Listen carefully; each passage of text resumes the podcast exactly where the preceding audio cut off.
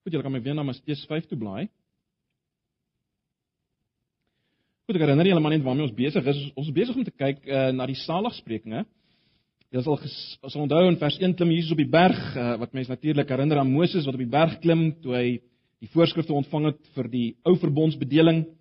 Uh, en Matteus wat natuurlik baie lief is daarvoor om te wys dat Jesus die vervulling is van van die Ou Testament en spesifiek dat Jesus die rol van Israel oorneem en ook die rol van Moses, lê klem daarop dat Jesus op die berg klim.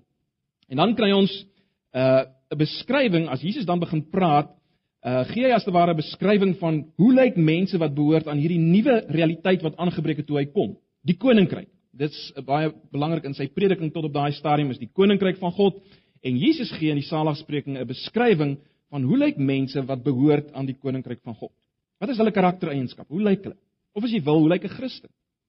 Hoe lyk 'n Christen? En ons het mekaar gesê al hierdie eienskappe geld vir alle Christene in 'n minder of meerdere mate.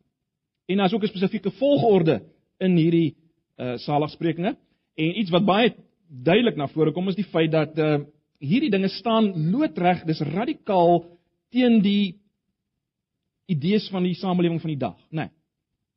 Christen is radikaal anders. En dan baie belangrik het ons daarop gewys dat daar twee groepe, mens kan die saligsprekinge indeel in twee groepe van 4. Wat albei eindig, as ek dit so kan stel, met die frase die ger, uh, geregtigheid. Uh die woord geregtigheid, die nuwe vertaling vertaal met dit wat reg is, maar ek het vir julle gesê die beter vertaling is waarskynlik geregtigheid. Twee groepe wat eindig met geregtigheid. In vers 6 uh en vers 10 is daar die verwysing na geregtigheid. Vers 6 geseënd is die wat honger en dors na wat reg is of na geregtigheid. En in vers 10 geseënd is die wat vervolg word vir geregtigheid. En dis twee belangrike merkers in in die saligsprekinge. Hulle onthou die eerste 3 saligsprekinge beskryf 'n soort van 'n leegheid. Dis geseënd en is belangrik en is op sy plek. Maar dis 'n soort van 'n leegheid. Dis mense wat sien hulle is en het niks vir God nie. Hulle is arm van gees. Hulle weet hoe afhanklik hulle van God is. Dis hoe hulle self sien. Hulle treur oor hierdie toestand, né? Nee, hulle treur oor hulle eie toestand van niksheid voor God en oor die die feit dat die mense rondom hulle nog nie deel het aan die koninkryk nie. So daar's 'n treur oor hulle eie toestand in die wêreld rondom hulle. En daar's geen begeerte om hulle self te verdedig en te veg vir hulle eie regte nie. Sagmoedigheid, né? Nee, hulle laat dit toe, hulle laat dit oor aan God. So dis 'n soort van 'n leegheid wat beskryf word in die eerste 3 saligsprekinge. En daarom is daar 'n honger en 'n dors baie gepas in vers 6 na iets meer, na iets na na geregtigheid wat oorvloei, 'n praktiese geregtigheid. Ek het baie tyd spandeer om vir julle te wys. Dit gaan nie hier oor die regverdigmaking deur die geloof en daardie geregtigheid. Dit gaan oor praktiese geregtigheid, 'n begeerte om oor te loop in geregtigheid. En dis wat ons dan kry in die volgende verse. 'n Beskrywing van hierdie geregtigheid barmhartigheid, reinheid van hart en vredemaking. En dis vir hierdie geregtigheid vers 10 waarvoor mense vervolg word. Nee, dis vir hierdie praktiese geregtigheid waarvoor mense vervolg word in vers 10. En julle sal onthou ons het dit bevestig uit die res van die Saligsprekinge in vers 20 sê die Here Jesus as julle geregtigheid nie meer is by vers 20 as die van die Fariseërs nie, sal julle nooit die koninkryk ingaan nie. En dan die beskrywinge wat daarna volg, as jy mooi daarna gaan kyk, uh wat Jesus elke keer sê jy het gehoor, maar ek sê vir julle, dis alles As jy dit saamvat, kom dit neer op dieselfde drie dinge. Barmhartigheid, reinheid van hart en vredemaking. Dis die geregtigheid wat meer sal wees en moet wees as die Fariseërs. Alraai, so dis die dis die raamwerk net baie vinnig. Vanaand kom ons dan nou by uh vers vers 8. Vers 8. Kom ons lees dit net weer saam. Geseend is die wat rein van hart is, want hulle sal God sien. Geseend is die Gelukkig is die, salig is die wat rein van hart is, want hulle sal God sien. Ek wonder of ons ooit daaraan dink, wat is die wat is die uiteindelike doel van ons Christelike lewe, die einddoel van alles? Is dit is dit om gelukkig te wees? Is dit om die hel te ontvlug? Is dit om uiteindelik rond te sweef in een of ander utopiese nirwana? Nee, die einddoel is om God weer te sien. Is dit nie? As jy mooi daaraan dink, jy dink aan die aan die ehm uh, aan die hele loop van die Bybelse verhaal, né? Nee. Voor die sondeval was die mens in 'n verhouding met God kon God sien. Na die sondeval is hierdie verhouding verbreek. Né? Nee. En die, en die mens weggekruip vir God. En jy sal weet in die Ou Testament niemand kon God sien en bly leef nie. Dis 'n dis 'n 'n belangrike ding wat ons raak sien in die Ou Testament. En nou kom Jesus. En in sy beskrywing van hoe iemand lyk wat aan die koninkryk behoort, sy beskrywing van 'n Christen as jy wil, kom en hy sê Dis moontlik om God weer te sien. En die vraag is onmiddellik, maar Here, hoe is dit moontlik? en wie sal hom sien? En Jesus kom en hy sê wel die wat rein van harte sal hom sien. Die wat rein van harte sal hom sien. Nou, ons moet onthou Jesus praat met mense wat vasgevang is in 'n stelsel van uh, rabbynse wette, nê, wat uh, hordes rabbynse wette uh wat hulle gevoel het as mens hierdie dinge nakom, is dit moontlik om weer deel te wees van die koninkryk van God wat natuurlik sal kom net vir die Jode. Dit was wat was die denke gewees. Uh maar as jy deel wil wees daarvan, dan moet jy al hierdie wette nakom. Dit het al meer en meer geraak. Uh en eintlik het dit so absurd geraak dat selfs hulle besef het wel jy kan nie jy kan nie almal nakom nie en en en, en God sal sekerlik verstaan as as mense nie almal nakom nie en daarom was daar altyd die vraag, wat is die belangrikste gebod? Wat is die grootste gebod, né? Nee, dis hoekom hulle ook vir Jesus vra. Uh ja, wat is die grootste gebod? Want hulle wil net seker maak hulle kom die regte een na. En nou kom Jesus as op die berg is en hy sê die reines van hart sal God sien. Hulle vraag was wat was die groot gebod? Wat moet ek doen om die ewige lewe te beerwe en so meer? Jesus kom en hy sê die wat rein van hart is, sal God sien. Nou mens moet onthou op hierdie punt ook dat die Fariseërs sou totaal saamgestem het as Jesus gesê het die reines sal God sien. Hulle sou nie probleme mee gehad het nie, dis wat hulle ook geleer het. As jy God wil sien, moet jy rein wees, né? Nee. En ons weet die eh, die Fariseërs het baie nou geset gelewe. Ek het al baie daaroor gepraat, né? Nee, ons moenie 'n karikatuur maak van hulle nie. Hulle het tot die uiterste toe gegaan om rein te leef. En Jesus het dit geweet. En daarom kom hy met 'n baie skokkende uitspraak. Hy sê die wat rein van hart is, sal God sien. Hy sê die wat rein van hart is, sal God sien. En uh daarmee slaan Jesus natuurlik al die hoop van die godsdienstiges van sy tyd plat. Want hy het geweet wat waar was van hierdie ouens, né? Nee.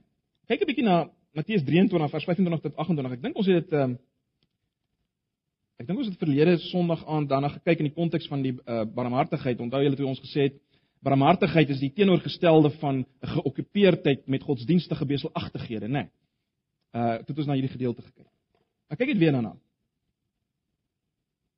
Matteus 23:25-28. Wie julle skrifgeleerdes en fariseërs gefeinstes, want julle maak die buitekant van die beker en die skottel skoon, maar die binnekant is vol roof en onmatigheid. Blinde fariseërs, maak eers die binnekant van die beker en die skottel skoon, sodat ook die buitekant daarvan skoon kan word. Wie julle skrifgeleerdes en fariseërs gefeinstes, want julle is net soos gewitte grafte. Wat van buite wel fraai lyk, maar van binne vol doodsbene en allerlei onreinheid is. So lyk julle ook van buite vir die mense wel regverdig, maar van binne is julle vol gefeinsdheid en ongeregtigheid. Ek kan my voorstel daar was geskokte stilte toe Jesus hierdie uitspraak lewer. Salig is die wat rein van hart. Hulle sal God sien. Nou nou, dis dis die tipe mense wat voor hom gesit het. Want wat is onreiner as die hart, né, nee, as mens daaraan dink? Uh reeds in Jeremia 17 vers 9 kry ons hierdie uitspraak. Jy hoef nie nou noodwendig na te kyk nie. Jy ken dit. Die hart is bedriegliker as enigiets anders. Hy's ongeneeslik. Wie kan hom verstaan? Jeremia 17 vers 9 sê die Here ek, die Here ondersoek die hart. Jesus se uitspraak in Markus 7, geweldig, vers 21 tot 23. Luister net. Van binne, julle ken dit. Van binne af, uit die hart van die mens, kom die slegte gedagtes, onkuisheid, diefstal, moord, oorspel, hebsug, kwaadwilligheid, bedrog, losbandigheid, afguns, kwaadpraatery, hoogmoed, ligsinnigheid. Al hierdie slegte dinge kom van binne af en dit maak 'n mens onrein. En dis waar by Jesus aansluit as hy sê Salig is die wat rein van hart. Dis hierdie binneste. Ehm uh, miskien moet ek net weer duidelik stel, ons het al baie daaroor gepraat. Uh die begrip hart is met miskien nog steeds vir baie mense 'n bietjie vaag. Waarvan praat Jesus? Wel, ons weet almal Jesus praat nie van die bloedpomp in die middel van jou borskas nie. Dis nie waarvan hy praat nie. Die hart is gesien as die binneste deel van die mens, die sentrum van jou persoonlikheid en oorheersend jou denke jou denkproses, nê. Nee, dit is die dis die belangrike ding. Die hart is ten diepste jou denkproses. Uh, interessant, die hart het nie in die eerste plek met emosies te maak nie. Ek dink ons ons ons dink baie keer aan hart in die eerste plek aan, aan jou emosies, nê. Nee. Uh dit was nie die gedagte in die Bybelse tyd nie. As daar oor jou emosies gepraat dan was dit meer jou niere gewees. Interessant as jy ook in die psalms daarna kyk. Die gevoel van die mens was in die maag gewees. Uh die Jode het veral dit so uitgedruk in terme van wat jy in jou maag voel. Ehm um, so jy sê jou jou maag het omgedraai, as jy emosioneel is, het jou maag omgedraai, né? Nee. Maar die denke in die hart is een ding. Luister net na Spreuke 23 vers 7. Soos dit in die in die 53 vertaling gestel word. Luister hierna. Hier sien mense duidelik dat dit dat die denke in die hart een ding is. Want soos hy in sy siel bereken, so is hy. Eet en drink sê hy vir jou, maar sy hart is nie met jou nie. Hart denke is een ding in die Bybelse denke. Soms verwys ek moet dit wys, soms verwys die hart wel na die wil en emosies, uh wanneer my wil en emosies ontspring in my denkproses. Uh, Natuurlik is dit goed gekoppel, né? Nee. Ehm uh, as ek in my denke werklik toegewy is aan iets, weet ons, affekteer dit my uh en dit beïnvloed weer my emosies. Dis soos 'n soos 'n wiel wat aan die rol gesit is. Uh, Spreuke 4 vers 23 vat dit natuurlik alles saam, né? Nee, Julle ken dit. Bewaak jou hart meer as alles wat bewaar moet word, want daaruit is die oorsprong van die lewe. Bewaar jou hart bo alles want daar daaruit is die oorsprong van die lewe. Uh, ontsettend belangrik, uh, ontsettend belangrike uitspraak. Jou hart, jou binneste, hoe hoe jy binne in jouself dink, dit bepaal jou hele lewe, jou jou emosies, jou jou wil wat jy eintlik doen ensovoorts. Alles word bepaal deur dit wat in jou aangaan. Daarom is dit so belangrik om met mense se harte te werk. Dis wat die oorsprong is. Gaan terug na wat gaan binne in jou aan? Wat gaan binne in jou aan? Nee. Maar goed, die punt is wat Jesus sê, dit is Dis die, dis mense wat rein van hart is. Wat God sal sien. En natuurlik weet ons dit is waarna God kyk. Dis die geweldige, né? God kyk juis hierna. Dis waarna hy belangstel. Dis waarna hy nog altyd belang gestel het. Uh, een van die beste voorbeelde is seker die van Dawid, né? Ehm uh, jy sal weet. Toe uh met met die geleentheid toe hy gesalf is as koning. Al hierdie broers van hom wat aanskoulik was van buite, aantreklik en uh baie dinge waarop hulle seker kon staat maak. Hulle die hulle die eh, die beter CV's gehad waarskynlik. En God kyk na die hart. God kyk na die hart van Dawid. So dis waarna God kyk, die hart. Maar goed, 'n belangrike vraag as ons kom by die Salaspreking is natuurlik nou maar wat beteken dit om rein van hart te wees? Die die, die gedagte van reinheid, wa, waarna word hier verwys? Nou ons moet onthou rein in die Bybel het twee hoofbetekenisse. In die eerste plek beteken dit skoon sonder smet. Met ander woorde meer in die morele sin van die woord, skoon sonder smet. Maar daar is ook die 'n tweede betekenis. Of kom ek sê ek sê nou in die Bybel, in ek oor die algemeen uit rein hierdie twee betekenisse, né? Nee, so kom ons kom ons werk maar net eers daarmee. 'n Rein het, het twee betekenisse. Uh skoon sonder smet of dit het die betekenis van onverdeeldheid, né? Nee, onverdeeldheid. Ongemengdheid, onvermengdheid. Uh ons ons praat praat so nie waar nie as as uh as ons iets by skoon water gooi, dan sê ons daai water is nou is nou onrein, né? Dis besmet. Hoekom? Want is nou nie meer net water nie, dis nou gemeng. En daarom is dit onrein. En nou is dit interessant, is veral hierdie tweede tweede betekenis van gemengdheid of vermengdheid wat baie prominent is in die Bybel. Dis veral hierdie tweede betekenis wat baie prominent is in die Bybel. Luister 'n bietjie na een van die naaste parallelle aan hierdie ehm uh, saligspreking in in die Psalms, Psalm 3, uh, 24 vers 3 tot 4. Psalm 24 vers 3 tot 4. Ek dink julle julle ken dit ook. Luister mooi hierna. Psalm 24 vers 3 tot 4. Wie mag klim op die berg van die Here en wie mag staan in sy heilige plek? Hy wat rein van hande en suiwer van hart is, wat sy siel nie ophef tot nietigheid en nie vals sweer nie. Nou hier is ons baie mooi wat Dawid eh, bedoel met met 'n rein hart. 'n Rein hart is baie duidelik 'n hart wat niks te doen het met valsheid nie. sien julle dit? Of hoor julle dit? 'n uh, 'n Rein hart is 'n hart wat niks te doen het met valsheid nie.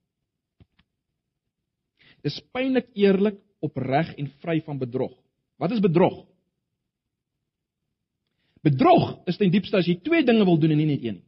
Dis bedrog. Bedrog is as jy twee dinge wil doen en nie net een nie. Of laat ek dit so stel, jy sal een ding doen en mense laat verstaan dat jy 'n ander ding doen. Dis bedrog.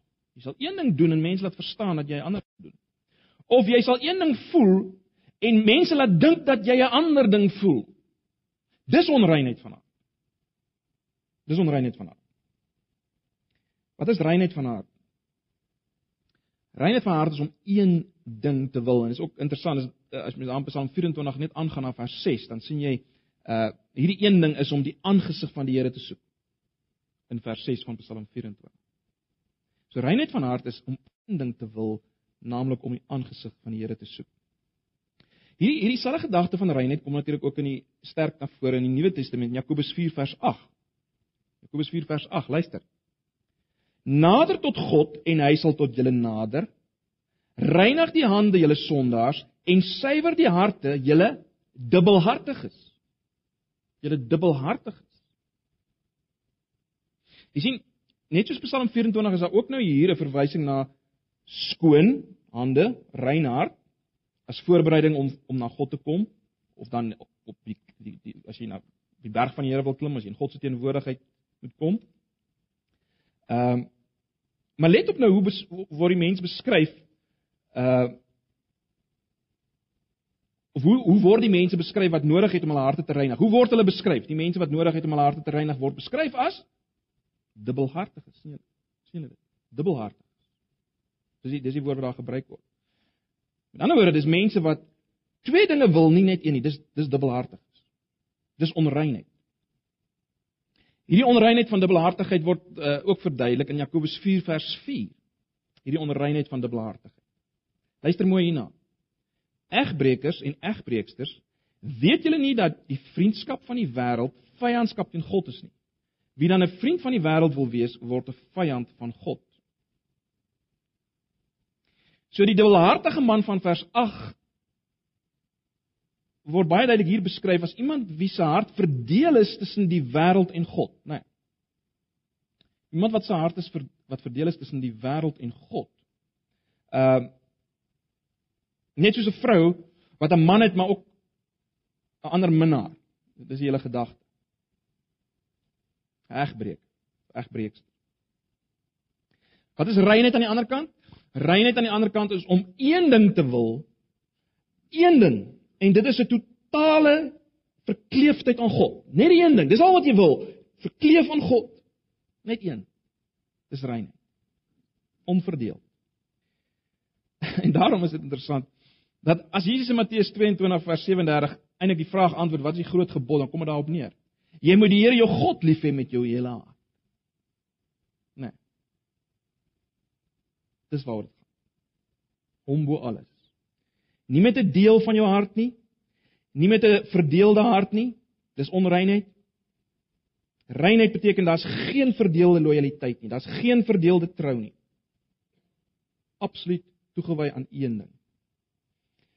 In 1 Timoteus 1:5 uh, skryf Paulus beskryf Paulus hierdie tipe reinheid van hart so. Hy sê maar die doel van die gebod is liefde uit 'n rein hart en 'n goeie gewete en ongefeinste geloof. Jy sien, reinheid van hart wil een ding. God en wat vir hom belangrik is, trou aan hom. En en en is dit dit aan by wat ons vanoggend gesê het, is dit nie? Is dit nie? Dis die ouens wat wat hierdie een passie het wie se gebede ook verhoor verhoor word. Dis eintlik wat ons vanoggend gesien het. Want dis dis waaroor hulle sal bid. En dis wat verhoor sal word. So mense, ek ek vertrou ons almal dink 'n bietjie dalk bietjie anders vanaand oor reinheid. Miskien het jy nog altyd ehm uh, gedink jy's rein van hart, maar as jy in die lig van dit wat ons nou gesê het kyk dan dan sien jy jy's nie so rein van hart. Mag so wees. Weet julle wie se baie goeie voorbeeld van iemand wat onrein van hart? In die lig van hierdie beskrywing wat ons nou gegee het. Dis Martha van alle mense. Kyk 'n bietjie na Lukas 10 of jy kan net luister as jy wil. Lukas 10 vers 41 en 42. Baie bekende uitspraak van Jesus waar Jesus daar by die by die huis is van Martha en Maria en dan gee hy hierdie uitspraak. Martha, Martha. Jy is besorg en bekommerd oor baie dinge. Maar net een ding is nodig. Maria het die beste deel gekies en dit sal nie van haar weggeneem word. Jy sien, Maria wat net sit by die voete van Jesus. Martha wil rondspring, sy wil klomp dinge doen. Vir die Here, ja, maar klop dinge. Maria sit net by die voete van Jesus. Sy teenwoordig. Martha, voorbeeld van onreinheid van hart, verdeeldheid. Dis wat Jesus hier sê. Een ding is nodig. Een ding is nodig, onverdeeldheid van hart. Een ding. Een. Nou ek dink julle sal my saamstem, as 'n mens se hart rein is in hierdie sin van onverdeeldheid, gerig op een ding, dan gaan jou hart ook rein wees wat die tweede aspek van reinheid betref. Want jy sien, dan gaan jy nie tyd hê vir al die al die televisie. En al die tydskrifte. En al die ander dinge nie. En al die flieks en dinge nie. Wat jou ook moreel onrein maak, né? Nee. Dit jy jy jy het lus daarvoor nie. Dit is dis nie so belangrik nie, want jy's gerig op een ding. So met ander woorde, jy kan sien hierdie twee goed vloei in mekaar, né? Nee. Die die reinheid wat betref uh reinheid wat beteken onverdeeldheid en reinheid wat beteken moreel rein en skoon. Die twee goed gaan saam. As jy onverdeeld is, net gerig op een ding, een begeerte wel, dan raak jy ook rein wat die ander ding betref. Of ten minste word jy nie onrein wat die ander ding betref. Wat betref die morele skoonheid. Kom ek stel dit so, 'n mens probeer eintlik te vergeefs onrein uh, rein wees in die tweede sin van die woord as jy as jy nie onverdeeld gerig is op een ding, naamlik God self. Jy sal jy sal verniet probeer. Maar goed. Jesus sê hulle sal God sien. Wat beteken dit om God te sien? Wat beteken dit hier om God te sien? Ek wil drie dinge uitlig. In die eerste plek dink ek moet ons daaraan dink as as as dit dit beteken om in God se teenwoordigheid toegelaat te word. So dis die eerste betekenis van om God te sien, dis om in sy teenwoordigheid toe toe, toe te uh, toegelaat te word. Dit uh, is interessant na die na die plaag van duisternis oor Egipte dan ontplof Farao teen Moses. En dan dan dan sê hy hierdie woorde in Eksodus 10 vers 28 en 29. Luister my net mooi daarna. Farao sê vir hom: "Gaan weg van my af. Pas op dat jy my aangesig nie weer sien nie. Want die dag as jy my aangesig sien, sal jy sterwe." Wat sê die koning? Wat sê 'n koning as hy sê jy sal my aangesig of my gesig nooit weer sien nie? Wel, hy sê jy sal nooit weer toegelaat word om in my teenwoordigheid te kom. Jy sal nooit weer die reg hê om in my teenwoordigheid te kom nie. Dis wat 'n koning bedoel as hy sê jy sal my aangesig nie weer sien nie. Ons praat ook so, is dit nie? Ons praat so. Uh ons sal sê uh ons ons sal die dokter bel en sê ons kan ek asseblief vir dokter van Sail sien? Wat bedoel ons? Dink bietjie mooi daaraan. Ons bedoel tog nie uh kan ek my oë op hom vestig van 'n afstand af. En ek bedoel ek kan ek in sy teenwoordigheid kom? Dokter van Sail se teenwoordigheid. Nee. So ek dink dit is so vreemd vir ons kan ek met hom 'n afspraak maak. Ek wil by hom wees. Uh ek wil dokter van Sail sien. Ek wil 'n afspraak maak met ander woorde. Ek wil by dokter van Sail wees. So, en ons sê ek wil hom sien. So ek dink die eerste ding wat die sien van God beteken is om toegelaat te word in sy teenwoordigheid. So Jesus sê die wat rein is, sal toegelaat word in sy teenwoordigheid. En dis al van toepassing hier en nou. Hier en nou kan ons hom in daardie sin sien. Uiteindelik natuurlik uiteindelik eendag in die volle sin van die woord nou meer in 'n geestelike sin in sy teenwoordigheid. In daai sin sal ons hom sien. 'n Tweede betekenis van die sien van God is waarskynlik om stom geslaan te word deur sy heerlikheid. Deur 'n ervaring van sy heiligheid, sy majesteit, net soos jy dit wil stel. Uh onthou julle Job, nadat hy God homself aan Job geopenbaar het uh, in die warrelwind, om iets laat sien het van wie hy is. Wat sê Job? Onthou nou wat het Job gesien? Hy het nie hy het nie God in sigself gesien as mens dit so kan stel nie, maar maar, maar God het vir hom gewys hoe groot hy is. As hy sy sy dade in die natuur, né? Nee. Hierdie hierdie hierdie geheimenisse het God iets iets iets daarvan God vir hom oopgemaak. En wat sê Job in Job 42 vers 5? Tot nou toe het ek net gehoor wat mense van u sê, maar nou het ek u self gesien. Baie interessant. Want nou het ek nog net gehoor wat mense van u sê. Baie van ons is so, né? Nee, eintlik eintlik leef ons hele geestelike lewe is net op wat men, ander mense sê, maar goed. Job sê ek het net gehoor wat mense sê, maar nou het ek u self gesien. En wat bedoel hy daarmee? Ek het die heerlikheid gesien. Ek het iets van u majesteit gesien in die natuur, in in wat u doen, in die die geheimenis van u werke het ek iets van u gesien. Maar hy sê ek het u gesien. Jy sien, feitelik al ons geestelike sig in hierdie lewe kom wanneer ons God sien deur sy woord of as ons God in in die werke van sy voorsienigheid sien. Ons sien beelde, né? Nee, ons sien refleksies. Ons hoor ekko's van sy stem in sy woord, in in die werke van sy voorsienigheid. En dit is iets daarvan wat wat Job beantwoord as hy sê ek het U self gesien nadat hy God se werke gesien het. Weerens, daar kom egter 'n dag wanneer God onder ons sal woon, wat ons sy heerlikheid direk sal aanskou. Ehm uh, waarvan die boek Openbaring praat. Ehm uh, met ander woorde, ons ons sal nie meer net sy heerlikheid aflei uit donderstorms en berge en in watervalle en en al hierdie dinge nie. Ons sal homself sien van aangesig tot aangesig. En dis die belofte vir die wat rein van hart is, die wat een ding wil. Dan sal ons ons belewing van hom sal direk wees, né? Nee sal dit direk proe soos heuning op die tong, direk sal ons dit proe. So om God te sien beteken nie net om toegelaat word toegelaat word in sy teenwoordigheid nie, maar ook om om verbuister te word as ek dit so kan stel deur 'n direkte belewing van sy heerlikheid. En dan laastens om God te sien beteken om vertroos te word deur sy genade. Hierin is baie interessant in die Psalms. Julle sou al gesien het weer en weer roep die psalmis uit na God om nie sy aangesig te verberg vir die psalmis nie. Moenie moenie aangesig vir my verberg nie. Luister maar net na Psalm 27 vers 7 tot 9. Luister mooi. Want U sê my hart soek my aangesig. Ek soek U aangesig, o Here. Verberg U aangesig nie vir my nie. Verberg U aangesig nie vir my nie. Wys U knegg nie af in toorn nie. U was my hulp. Verstoot en verlaat my nie, o God van my heil. Verberg nie U aangesig nie is wat? Dis dieselfde as om te sê wees my genadig. Né? Nee. As die Here sy aangesig vir jou verberg, beteken dit hy is jou nie genadig nie. As daar 'n versoek is, Here, verberg nie aangesig nie, is dit wees my genadig. Dis nie hulle gedagte.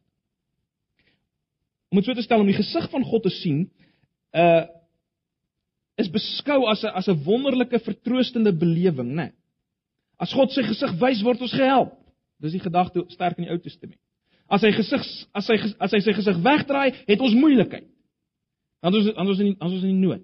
As hy gesig as hy sy gesig na ons draai, word gehelp. Dan dan is ons genade. So mense, ek dink as Jesus hierdie belofte gee dat dat God gesien sal word, dan beteken dit ten minste, ten minste hierdie drie dinge. Toegelaat te word in sy teenwoordigheid, om nie net meer in die wagkamer te sit nie. By wyse van spreke. Om verstom te word deur 'n direkte ervaring van sy heerlikheid en om vertroos te word deur sy genade. Vertroos te word deur sy genade. In die lig van die Ou Testament is dit verseker hierdie drie dinge ten minste sê weer gedeeltelik nou al en ten volle eendag. Gedeeltelik nou al, ten volle eendag. Laastens, kom ons lê daarmee af. Hoe word ek rein van hart? Ons het alreeds geraak geraak daaraan hoe hoe, hoe vermy ek dat ek onrein word, maar baie belangrik as ons ten diepste vra hoe word ek rein van hart? Jy word nie rein van hart in die eerste plek deur jou af te sluit soos 'n monnik van die wêreld of deur jouself te pynig nie. Dit was dis juist die die die probleem van die monnikwese, nê, nee, die kloosterwese. Uh, hierdie ouens het eintlik al onreiner van hart geword, hulle het agtergekom.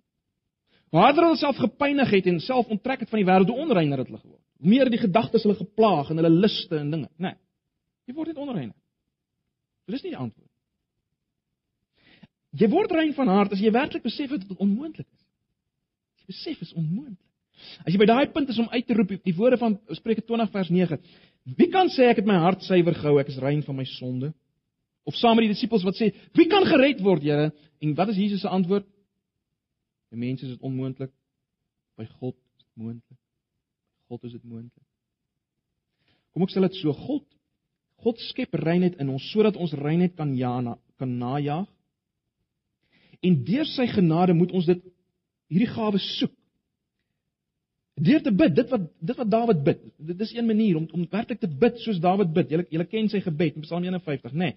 Skep vir my 'n rein hart, o God. vernuwe my gees en maak my standvastig. Skep vir my 'n rein hart. Maar daarmee is saam baie belangrik. Ons moet kyk na Christus wat homself vir ons gegee het om 'n volk vir hom te reinig. En kom ek stel dit so, luister baie mooi. Hierdie reaksies van ons harte op God se handeling van skep, hierdie skep van 'n rein hart, die reaksies van ons harte daarop en en Christus se offer, die reaksies van ons hart daarop. Op hierdie skepping van God en op dit wat Christus gedoen het as ons kyk na hom, die reaksie van ons hart daarop is wat? Ondubbelhartige geloof. Ondubbelhartige geloof in Jesus as Here en Verlosser. En nou is dit baie interessant. Geweldig interessant. Luister na Handelinge 15 vers 9.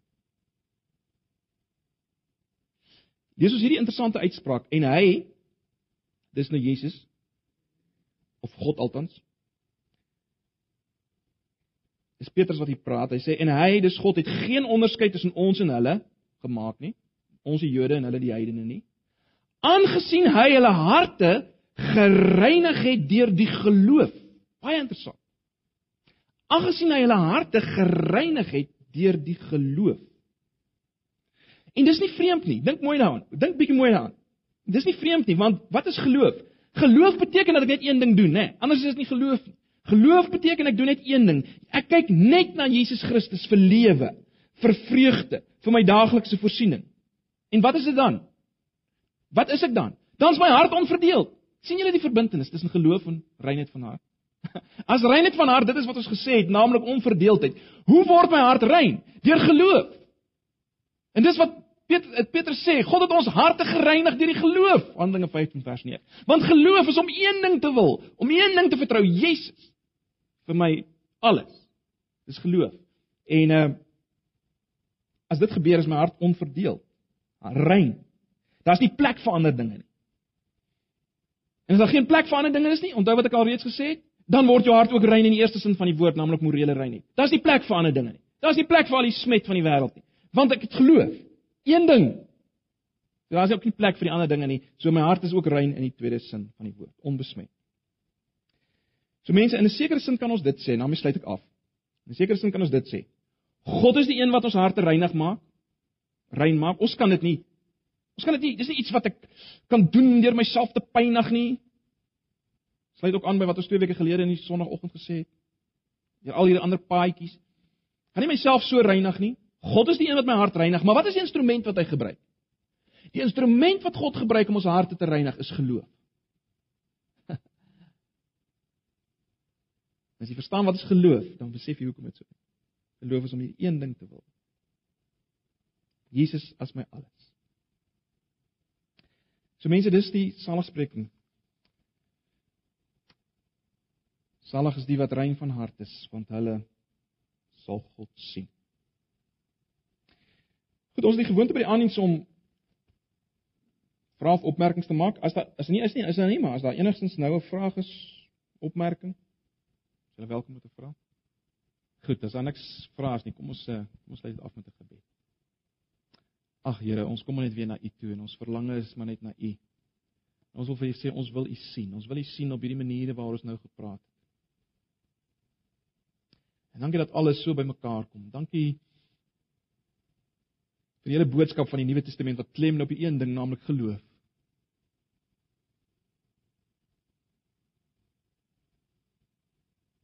Om U vas te hou met leë hande, U en U alleen. Dankie dat ons kan weet dat as ons dit doen, sal ons U sien. In die teenwoordigheid toegelaat word. Iets van die heerlikheid begin sien. U genade beleef omdat ons rein van hart sal wees. Ons dankie daar. Dankie ook vir die vooruitsig dat ons uiteindelik in die finale sin dit sal beleef. Dankie daarvoor, Here. Ag, ek wil maar net vra dat U nou met elkeen van ons sal wees as ons weggaan hier, gaan voort om met ons te werk, om ons soos ons vanoggend gesien het, te herinner aan U woorde. Asseblief, ons vra dit in Jesus se naam. Amen.